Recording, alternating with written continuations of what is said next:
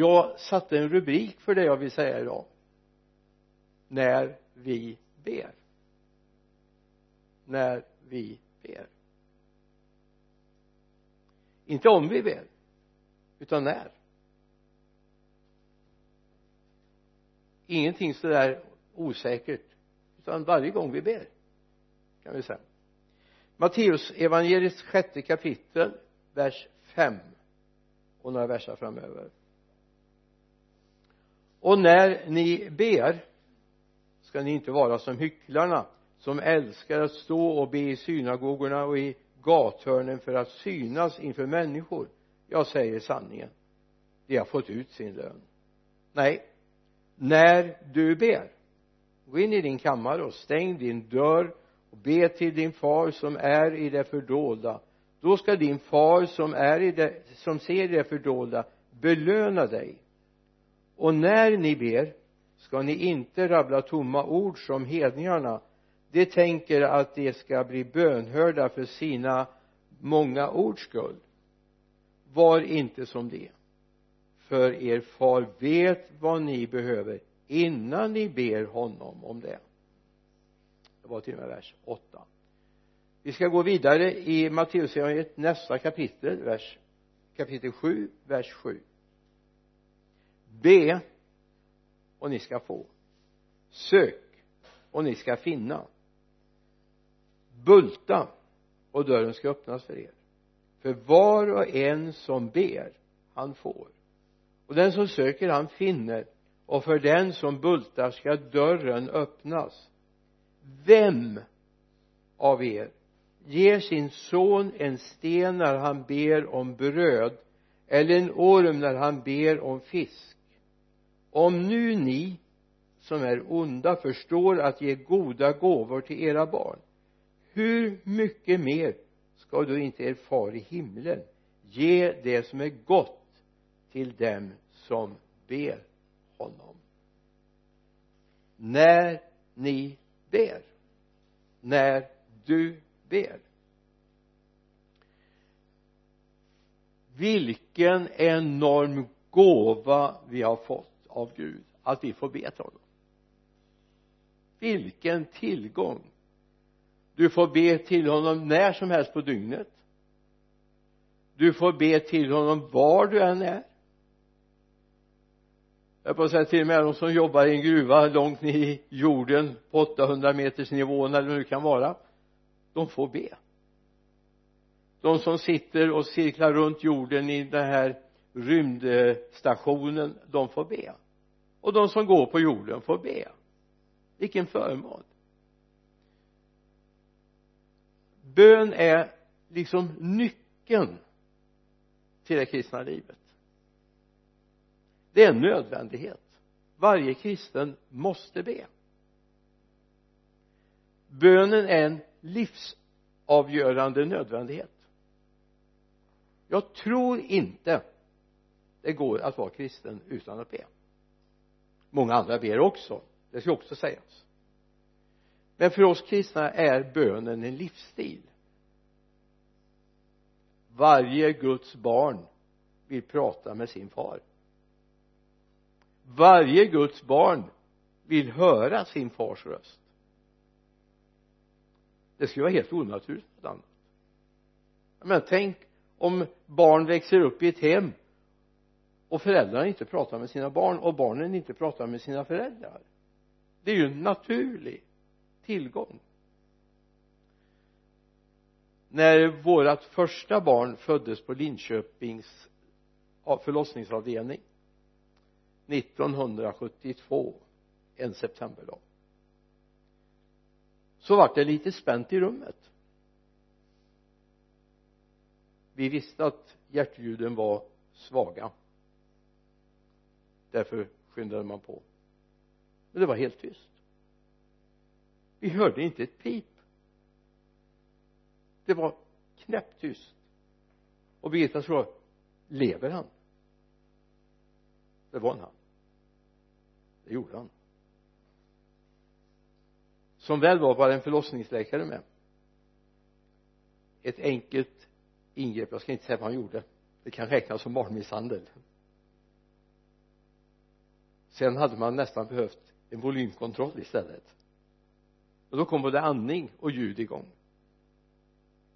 Och det har slått mig. Att vad är bönen? Jo det är våra hjärtslag. Och det är vår andning. Det är en utandning när vi talar om vad vi behöver och det är en inandning när vi hör vad Gud säger. Och det behövs vi håller inte på med religiösa ceremonier. Eller religiösa kulthandlingar. Utan vi pratar med vår far. Och vår far pratar med oss. Därför är bönen nödvändig. Och jag vill säga om du får be med någon människa till frälsning vilket du längtar efter att få göra, eller hur? Var noga med att i den förlossningen att bönen kommer igång. Den är nödvändig. Det vore onaturligt om du varje dag ska ringa och tala om för den personen vad Gud har sagt. Eller vad Gud tycker. Det naturliga är att jag själv hör vad Gud säger och vad Gud vill. Men tyvärr har bönen i många stycken blivit en kulthandling och sen har det blivit väldigt mycket jag vill, jag behöver, jag känner och så vidare. Ja men det är inte fel att Gud helar. Det är inte fel att Gud griper in i våra liv. Men problematiken blir när det är det enda vi har med Gud att göra. Gud vill faktiskt säga så mycket mer. Så när du ber inte om du ber om du skulle komma på den ingivelsen att börja be. Utan när du ber. Bön är att umgås med Gud. Att vara med Gud. Att ta tid med Gud. Och jag förstår inte hur man vågar starta dagen utan bön. Det är för mig helt ofattbart. Därför Gud har så mycket att säga och bara detta att få höra fars röst skapar ju trygghet. Men så länge vi gör bön bara till det vi säger det vi andas ut då kan vi andas ut till vi blir blåa i ansiktet va? Vi behöver ju andas in också. Och så är det med bönelivet också. Jag behöver andas in. Om vi tittar lite på Jesu bön. I Lukas 6 vers 12 då står det vid den tiden gick Jesus upp på berget för att be. Och han var he och han var hela natten i bön till Gud. När det blev dag kallade han till sig sina lärjungar och valde ut tolv av dem som han kallade apostlar. Det här var inte en religiös ceremoni utan eftersom det står i Johannes 15 jo, jo, jo Johannes 15 måste jag? Jag skrev Johannes 5 här med Johannes 15 med så står det att Jesus gör ingenting som inte han har sett fadern göra. Och han säger ingenting som han inte hört fadern säga. Och det här är liksom det klassiska för Jesus. Nu ska han liksom se till att nästa generation av Jesus människor ska gå vidare med evangeliet. Vad gör han? Han pratar med far. Jag är säker på att far och son pratar om Petrus och Johannes och Andreas och Bartolomeus och Judas och Judas Iskariot. Alltså de pratar om de här. Eller kan vi säga bara det att Jesus väljer att vara i Guds närhet ger honom klarhet vilka ska utväljas.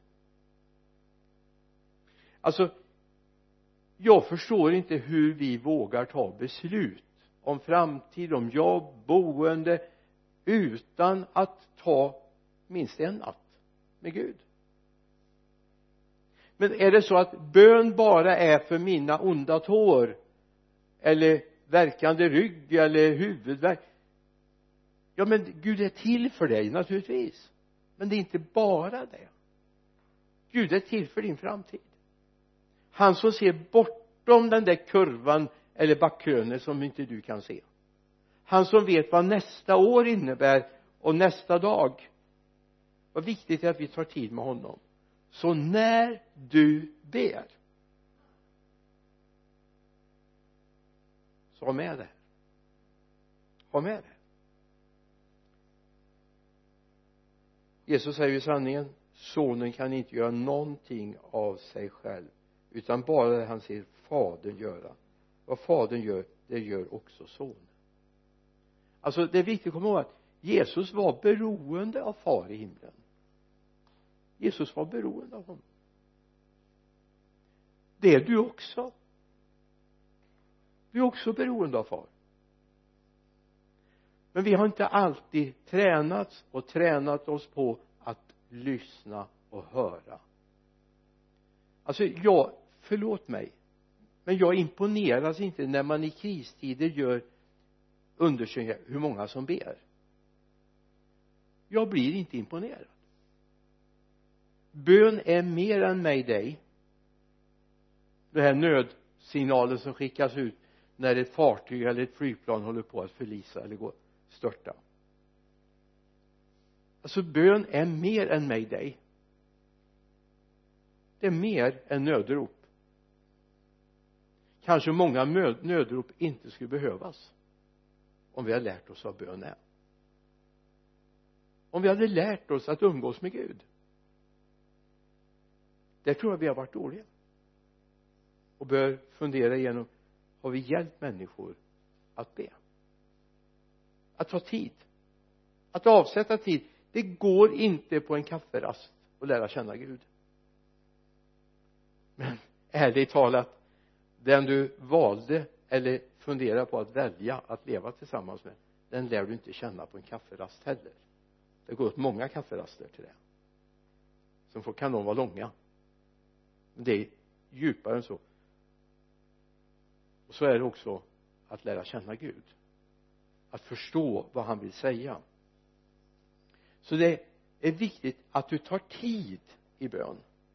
Det handlar inte om att rabbla tomma ord. Det är inte mängden ord det handlar om. För din far vet redan vad du behöver innan du börjar be honom. Säger saltaren. Han känner varje ord. Han känner allt han känner ditt bekymmer. Innan du har ens kommit på att du borde be Gud om den här hjälpen så vet han allt om det. Du behöver ta tid. Jesus avsatte en natt. Och det kanske bara var ett av flera tillfällen.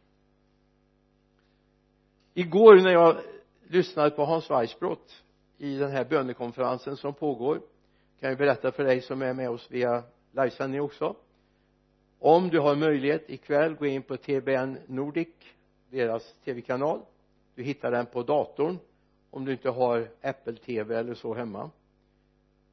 Så pågår det en bönekonferens uppe i Örnsköldsvik nu en helnordisk bönekonferens. Där talade Hans Weissbrot igår utifrån Danielsbokens sjätte kapitel. Du vet det händer en del saker här är bland annat en lejongrop tredje kapitlet. Det är en ugn som blir varm och så vidare. Men det står någonting om Daniel. När de satt upp en bild eller en bild och de har proklamerat att de ska bara tillbe kungen. Vad gör Daniel då? För han vill ju inte be till kungen. Han har ju en bättre kung att be till. Han går till sitt rum till sin lägenhet till sitt boende där han har fönstret står öppet mot Jerusalem. Där faller han ner och ber. Och så står det någonting som är spännande. Det brukade han göra tre gånger om dagen. Och så säger Hans Weissbrot det kan ju vara så faktiskt att Daniel som är uppe i en ålder av runt 80 år jag har inte hunnit kolla de siffrorna nu hänvisar jag bara till honom. Han kanske har hållit på med det här i 70 år. Under hela den tid som de var borta ifrån sin fädernesplats Jerusalem. Kanske bett i 70 år. Tre gånger om dagen. Vet det går åt tid om man ska lära känna Gud. Och Gud ska lära känna oss och vi ska få förtroende för varandra. Det går åt tid det går åt tid. Det är inte bönen först och främst som allt och alla hör varken i templet eller ute i gathörnen. Utan det är den bönen som pågår mellan mitt hjärta och Guds hjärta. Det är den som behövs. Så om du inte har investerat i tid att be så förstår jag inte hur du vågar ta beslut om framtiden. Det är mig ofattbart. Det är ju en chansning som kanske inte alltid går hem. För vi behöver ha med fler parametrar i våra val och de finns hos Gud. Så när ni ber rabbla inte tomma ord. Be inte så att alla ser det utan gå in i din kammare och be till honom som hör i det fördolda. Då ska han som hör det fördolda också svara dig. I psalm 63 läser vi vers 2 Gud du är min Gud. Tidigt söker jag dig min själ törstar efter dig min kropp längtar efter dig som i torrt och törstigt land utan vatten. Gud du är min Gud. Tidigt söker jag dig. Min själ törstar efter dig. Min kropp längtar efter dig i ett torrt och törstigt land utan vatten. Det här säger någonting om det behov som vi borde leva i. Jag menar det finns ju inte mycket i den här världen egentligen att fröjda sig över. Det är så mycket som är tillfälligt och som lätt rasar samman. Relationer. Förhållanden. Det rasar så lätt samman. Men Gud kan vi ha ett evigt förhållning till. Det går inte över så ha med det. Så jag vet inte om du har ett böneberg. Jag var på ett böneberg i Sydkorea för ett antal år sedan. Det var inte så mycket till berg det var mest en sandkulle. Som vi tänker oss nästan rullstensåsar i Sverige eller så. Men där pågick bön. Där pågick bön. Det var som man kunde nästan med kniv skära ut i atmosfären.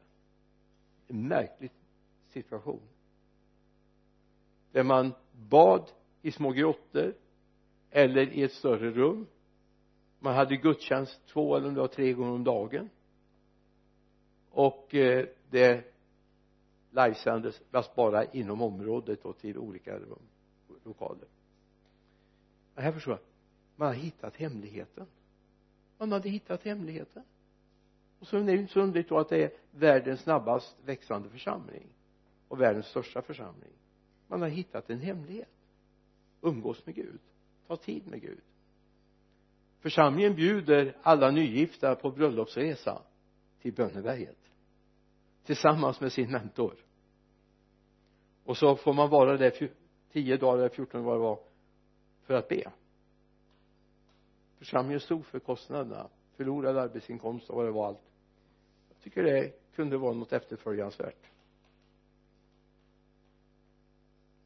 Jesus vill att du ska upptäcka honom.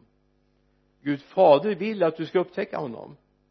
Ta tid med honom, umgås med honom. Gud vill att du ska höra vad han säger och förvalta det. Så bön är inte en quick fix. Det är inte bara ett nödrop, ett mayday utan bön är att vara med Gud. Avsätta tid. Våga ta och prioritera om så att du har tid med honom. Sen vet vi att en del är min mer eller mindre morgonpigga. Det är bara att konstatera så är vi. Men ta då jag menar den närmaste morgon du kommer det är det senaste på kvällen. Du är vaken va? En del är så trötta då så då vet de ju inte varken ut eller in men hitta tiden för att vara med Gud. Det är så viktigt för vi står i beslut nästan varje dag. Vi står i avgörande frågor nästan varje dag. Då är det viktigt. Då är det viktigt att vi har rätt beslutsunderlag för våra beslut. Så att vi kommer rätt. Det handlar om arbete, det handlar om boende, det handlar om prioritera min tid och så vidare livskamrat etc etc allt det här ska Gud vara inblandad i. Och det är viktigt. Och det här går inte bara på en liten bön, ett mayday och förresten om inte det är av hjärtat så tror jag mayday inte har så stor betydelse heller. För ibland vill Gud faktiskt säga någonting. Gira åt ett annat håll slå back på motorn. Eller vad det nu kan vara. Men om inte den signalen går tillbaka och kvitteras i mitt hjärta så räcker det ju inte att jag ropar ut mitt nödrop. Gud vill också säga någonting. Jag har bara en bön i mitt hjärta. Det är att Gud ska få ta bort filtret i våra öron, vår hjärtas öron filtret som bara tillåter att jag kommunicerar. Om du ringer i telefon så finns det faktiskt i din telefon. Du tror det, ni har det de flesta. Det är både en mikrofon och en högtalare. Är din telefon skapad på annat sätt? Nej. En walkie-talkie var ibland envägskommunikation men en telefon. Och tänk dig då bön är som att ringa upp på telefon. Det finns en högtalare. Det säger någon i andra änden någonting till dig. Och sen har du en mikrofon så du får kommunicera. Så kom ihåg det. Jesus vill leda dig dag för dag tid för tid inför uppgift efter uppgift uppdrag efter uppdrag. Gud vill leda dig. Och kom ihåg nu skulle jag ha haft det bibelordet i andra Mosebok. Eh, Moseböckerna 2, 3, 4, 5 där står det om eh, mannat i öknen det står bland annat att man kunde bara plocka för dagen. Om man plockade och så tänkte jag nu fick jag in mycket idag så behöver jag inte gå ut imorgon. Ja var det sabbat? Då kunde du behålla det. Från fredag till lördag kunde du behålla det men på söndag fick du ut på nytt igen. Så är det med Guds tilltal. Gud talar för den stunden. Det finns många tragiska exempel på att människor har tagit gamla tilltal. Det är ungefär som att slå på en GPS och den inte vet var du är någonstans. Så kanske den leder dig där du åkte igår tror att du är kvar där. Då kan det bli helt galet. Alltså Gud vill tala till dig idag. Och imorgon är en ny dag. Och nästa dag är en ny dag där Gud vill leda dig. Visst Gud kan ge en inriktning idag som gäller för veckan men det finns detaljer där han vill vara med och styra. Precis som när du är ute och kör bil. Jag menar om du åker åt ena hållet nu så kanske det kommer en kurva. Då måste du vara medveten om att du faktiskt ska svänga i den kurvan, eller hur? Så är det med, med Gud också. Så respektera att Gud är med i förarsättet kanske helst kom ihåg att Guds ledning är som färsk olja. Det är som smörjelsen från himlen. Första Johannes brevets andra kapitel 20 och 27 det är smörjelsen från himlen som gör det möjligt för dig att hela tiden vara uppdaterad på vad Gud vill med ditt liv. Vilket spännande liv du får vilket oerhört intressant liv du kommer få. Om du får ställa dig under det här och upptäcker att Gud faktiskt är intresserad av dig och den som har smakat det den som har upplevt det den vill inte ha något annat. Den som har smakat äkta vara vill ha äkta vara, eller hur va? Inga surrogat. Tyvärr har den kristna marknaden mycket präglats av surrogat. Tyvärr. Känslobaserad surrogat. Men Gud har någonting som är substantiellt som håller, som lyfter i all, all tid är du beredd nu, nu går vi vidare. Jag har väl några minuter, jo jag har några minuter kvar. Yes. Du har inte slått av det som är på skärmen. Bra. Det vi ska lära människor det är att bli lyssnande bedjare. Lyssnande bedjare. Lyssnande bedjare och du behöver tränas på det blir lyssnande bedjare.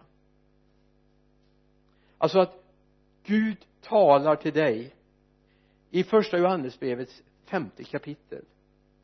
Läser vi vers 13 det här skriver jag till dig till er för att ni ska veta att ni har evigt liv ni som tror på Guds sons namn.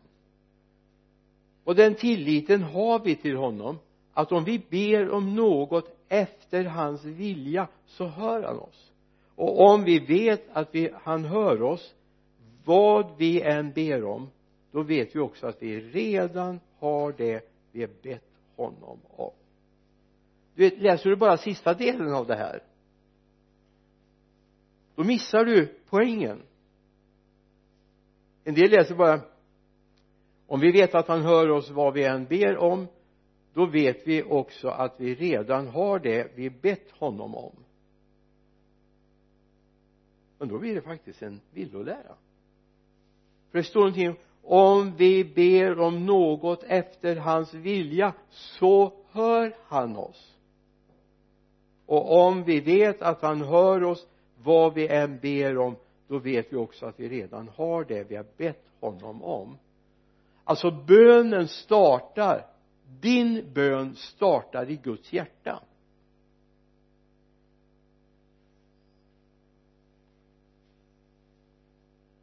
Det startar i Guds hjärta.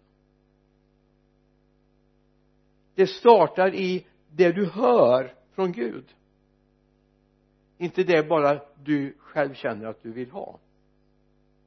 Alltså allt för ofta så tror vi att Gud gör precis det vi vill. Men det handlar inte om Gud gör det han vill. Alltså vi kan ibland be oss så vi blir blåa i ansiktet. Men ber vi emot det Gud vill så kommer vi aldrig tvinga Gud. Vi kommer inte kunna det. Och så blir vi besvikna på Gud och så tycker vi han är tråkig, han bryr sig inte om oss och så vidare. När det kanske egentligen var vi som inte brydde oss om honom. Om vi ber efter hans vilja så hör han oss. Och när vi vet att han hör oss då vet vi också att vi kan be om vad som helst. Det som vi har hört hos honom. Och då ska vi ha det. Så det här är faktiskt en viktig punkt i vårt bedjande. Att vi har förmåga att lyssna in vad Gud vill. Den här planen som kom det här projektet som jag har tänkt ut är det det Gud vill? Men det här jag, jag brinner för det här verkligen. Ja men brinner Gud för det? Jag brinner för mycket också. Men jag har upptäckt att allt brinner inte Gud för. Och då är det lite lönlöst att försöka övertala Gud. Jag kan inte säga till Gud vet jag kommer på en jättesmart idé. Nu ska du vara med mig här nej det funkar inte riktigt så. Det är precis som du vet med de här signalerna man hade utanför chefsdörrar och sånt förr va? Det var en röd, en gul och en grön, grön lampa som lyste va? Ofta var den där gula det var när de satt i telefon. You know? Ibland när jag kommer med mina idéer så lyser det inte alltid grönt. Utan det är rött. Det beror inte på att inte Gud är inne. Det beror inte på att inte Gud är på plats. Eller att Gud inte är intresserad men Gud vet vad jag kommer med. Så liksom vänta tills du har lyssnat färdigt. Då kommer det lysa grönt. Då kommer han att ha mottagning och du kommer få bli välsignad och se vad han vill med ditt liv.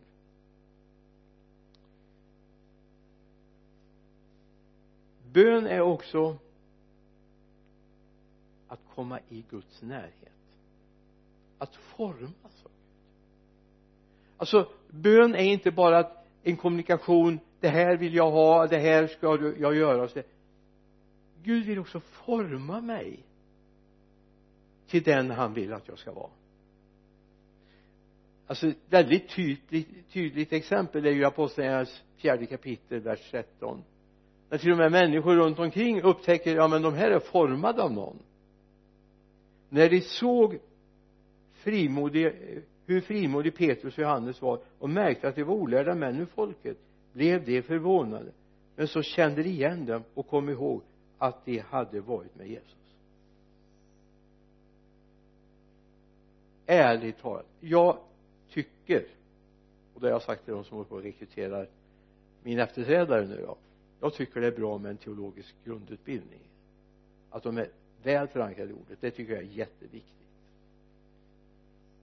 Men jag tar hellre att jag känner igen dem att de har varit med Jesus än att ha gått på något känt teologiskt seminarium, eller hur? Det är bättre att man vet att de känner Jesus sen behöver inte det vara en motsättning, absolut inte. Absolut inte. Men det är den känslan vi bör få att de här har gått med Gud. De känner Gud och Gud känner dem. Och det är viktigt. När de såg de, hur frimodiga de var så kände de igen dem. Men de har varit med Jesus. Det är inte underligt om man är frimodig då. Är det därför du är frimodig? Alltså, att vi har varit med Jesus. Amen. Sen finns det oblyghet också. Det är något helt annat. De har varken varit med den ena eller den andra. De är bara oblyga det kan ju Gud använda ibland. Det är helt klart. Men det är bättre att de är igenkända på att de har varit med Jesus. Eller hur? Att de har varit i faderns närhet. Endast om vi ärligt söker Gud för att få råd och påverkas av honom kommer vi bli mer lik honom. Bara om vi ärligt söker Gud för att få råd och påverkas av honom kommer vi bli mer lik honom. Det är väl det vi vill. Att vi blir mer lik honom. Ja men vi måste ju erkänna ibland Gud jag är inte färdigutvecklad än. Mina känslor spökar för mig ibland ibland går munnen fortare än hjärnan. Inte hos er men hos vissa av oss går mun fortare än tanken. Det behöver vi få jobba med, eller hur va? Jag undrar om inte det var så med Petrus ett tag också i början att det brann iväg lite väl fort. Men Gud jobbade med honom. Han lovade ju Jesus massa saker han inte kunde hålla. Om alla andra sviker ska inte jag göra det om alla andra förnekar dig kommer jag inte göra det. Och då säger Jesus till honom du innan hanen eller tuppen har valt två gånger så har du förnekat mig tre gånger. Men han blir hälsad speciellt. I första Petrusbrevet säger Petrus i det första kapitlet vers 7 äktheten i er tro är långt mer värd än guld som är förgängligt. Men ändå prövas i eld. På samma sätt prövas er tro för att sedan bli till lov, pris och ära när Jesus Kristus uppenbarar sig. Ta tid med Gud. Ta tid med Gud. Jag känner liksom att det är någonting av en grundton i det jag vill säga ta tid med Gud. Våga att han är med och påverkar din dag. För vi vet ju ändå som finns ute i vardagslivet bland människor vi behöver Gud. Vi behöver Gud. För vi står i knepiga situationer ibland, eller hur? Visst behöver vi Gud. Ibland är det så att vi behöver Gud både för att tala och tiga och det är viktigt att veta när jag gör vad. Så jag inte hittar bara en modell och så alltid gör på samma sätt. Jag behöver umgås med Gud. Vi läser ju om att Jesus han gick upp på berget för att be. Och han var där hela natten.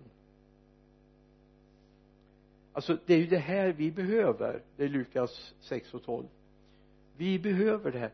Ta tid med Gud. Okej okay, jag kan vakna på nätterna ibland jag lider inte mycket av det.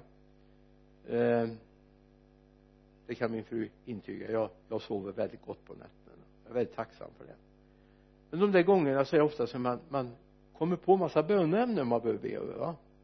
Syskon som eh, man vet är sjuka eller syskon som står inför viktiga avgöranden. Det kan vara val av jobb eller komma in på skola eller provet på skolan det är en mängd saker.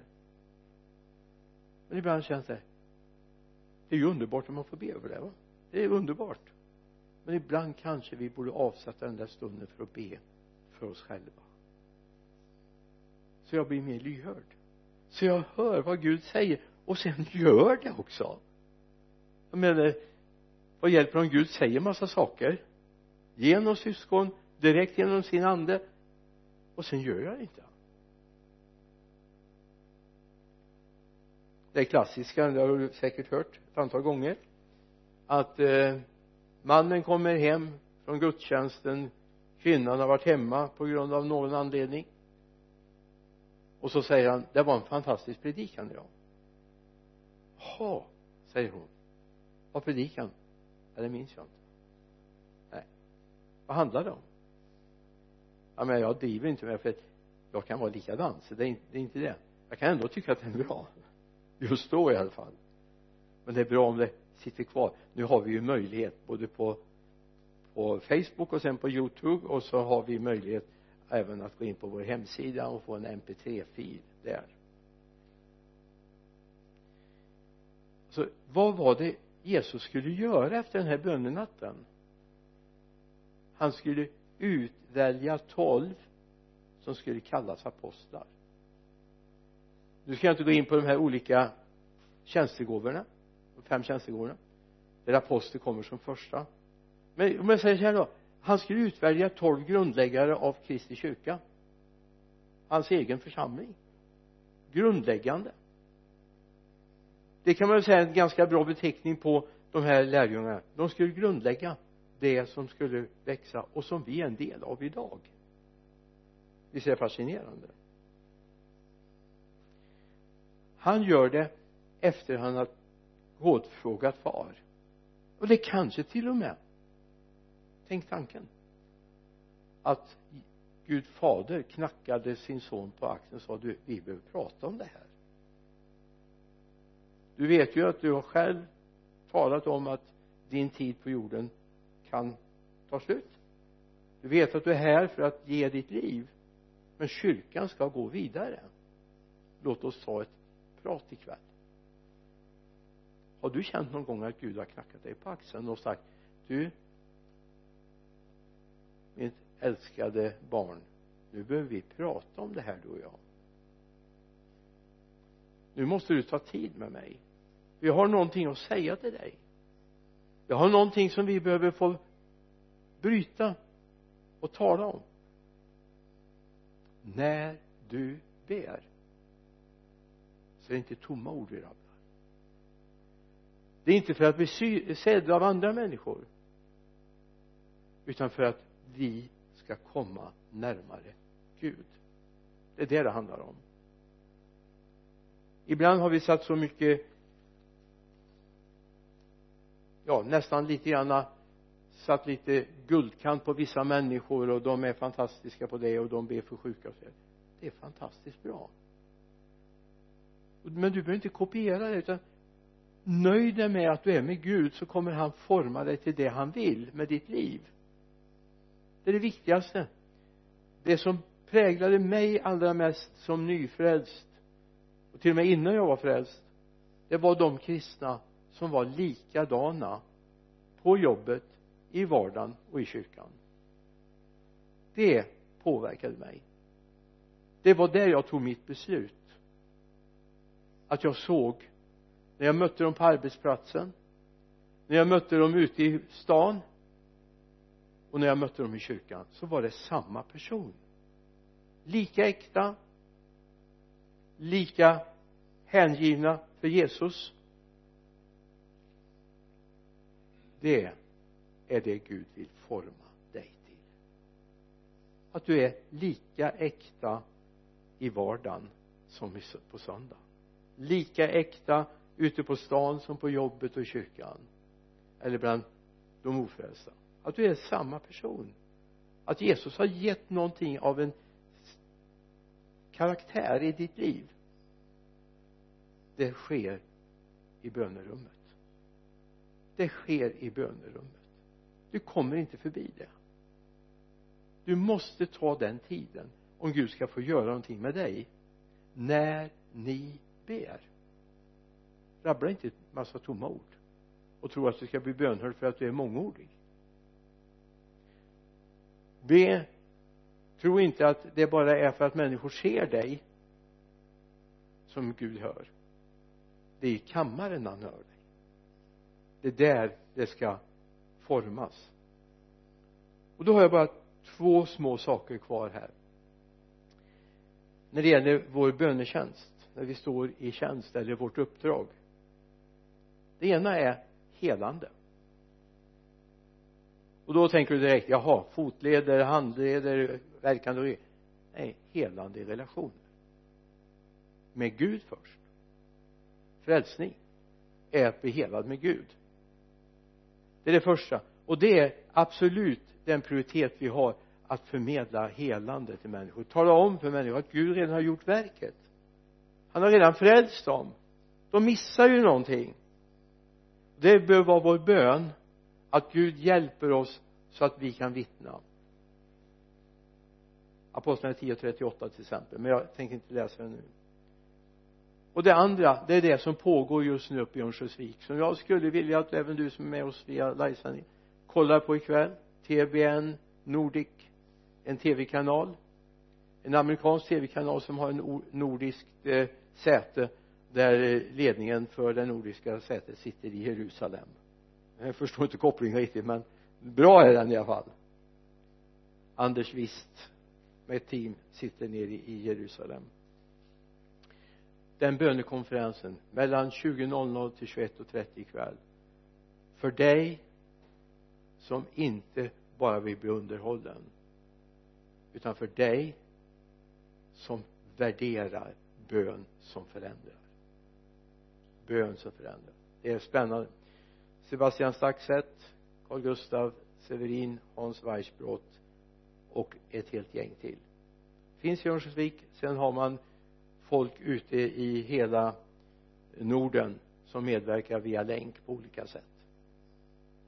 Man kan få höra lovsång på finska till exempel. Bara det är ju en fantastisk sak för de som älskar finska. En av lovsångsledarna som är är en Göteborgs grabb med, med finska rötter.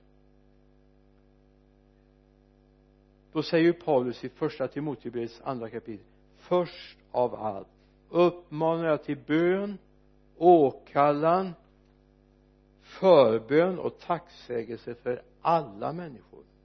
För kungar och alla i ledande ställning så att vi kan leva ett lugnt och stilla liv på allt sätt gudfruktigt och värdigt. Detta är gott och rätt inför Gud vår frälsare som vill att alla människor ska bli frälsta och komma till insikt om sanningen. Men det börjar med att vi ber för alla människor vi ber för ledningen i kommuner, landsting, regioner och landet. Och kanske EU med. Ja vi ber för dem. Det är lättare att klaga än att be, eller hur? Skriva protestlistor och det är bättre att be. Och sen vill jag bara i avslutningen ta det med till Danielsbokens nionde kapitel. Egentligen har jag tänkt läsa en hel del men vi ska nöja oss med inledningen och så tar du från vers 12 och framåt själv sen där har du hemligheten till att man inte redan hade lämnat Babel för att komma tillbaka till Jerusalem. Bakgrunden i Danielsboken är ju att Daniel är en från en fin familj som blir fångad tillsammans med en del, hel del ifrån Jerusalem förda i fångenskap till Babel. Och det står så här i andra versen i nionde kapitlet. I hans första, Darjabes första regeringsår kom jag Daniel att i skrifterna lägga märke till att det antal år som enligt Herrens ord till profeten Jeremia skulle fullbordas för att Jerusalems ödeläggelse nämligen 70 år jag vände då mitt ansikte till Herren Gud med ivrig bön och åkallan fastade i säck och aska. Alltså det kan bli så här att när du går med Gud du kan läsa det som Daniel här i profetböckerna. Du kan få ett tilltal genom den heliga ande. Så sätt inte armarna i kors och tänk hur fixar Gud det här nu? Det blir spännande att se. Han går i bön. Han går i bön med fasta och han klär sig i säck och han stänker aska på sig som ett sorgetecken. Så vet vi att när vi läser bibeln så småningom kommer de och återvänder till Jerusalem. Men det börjar här. Det kan hända att vi har missat det och tänkt så här, ja men Gud fixar det. Visst Gud fixar det men han väntar på oss. Det som ibland har vi alltså vi säger ofta att att Gud har nyckeln till saker och ting och det har han. Men han har också gett oss nycklar. Han har också gett oss nycklar. Och är det så vi inte förstår att de nycklarna ska användas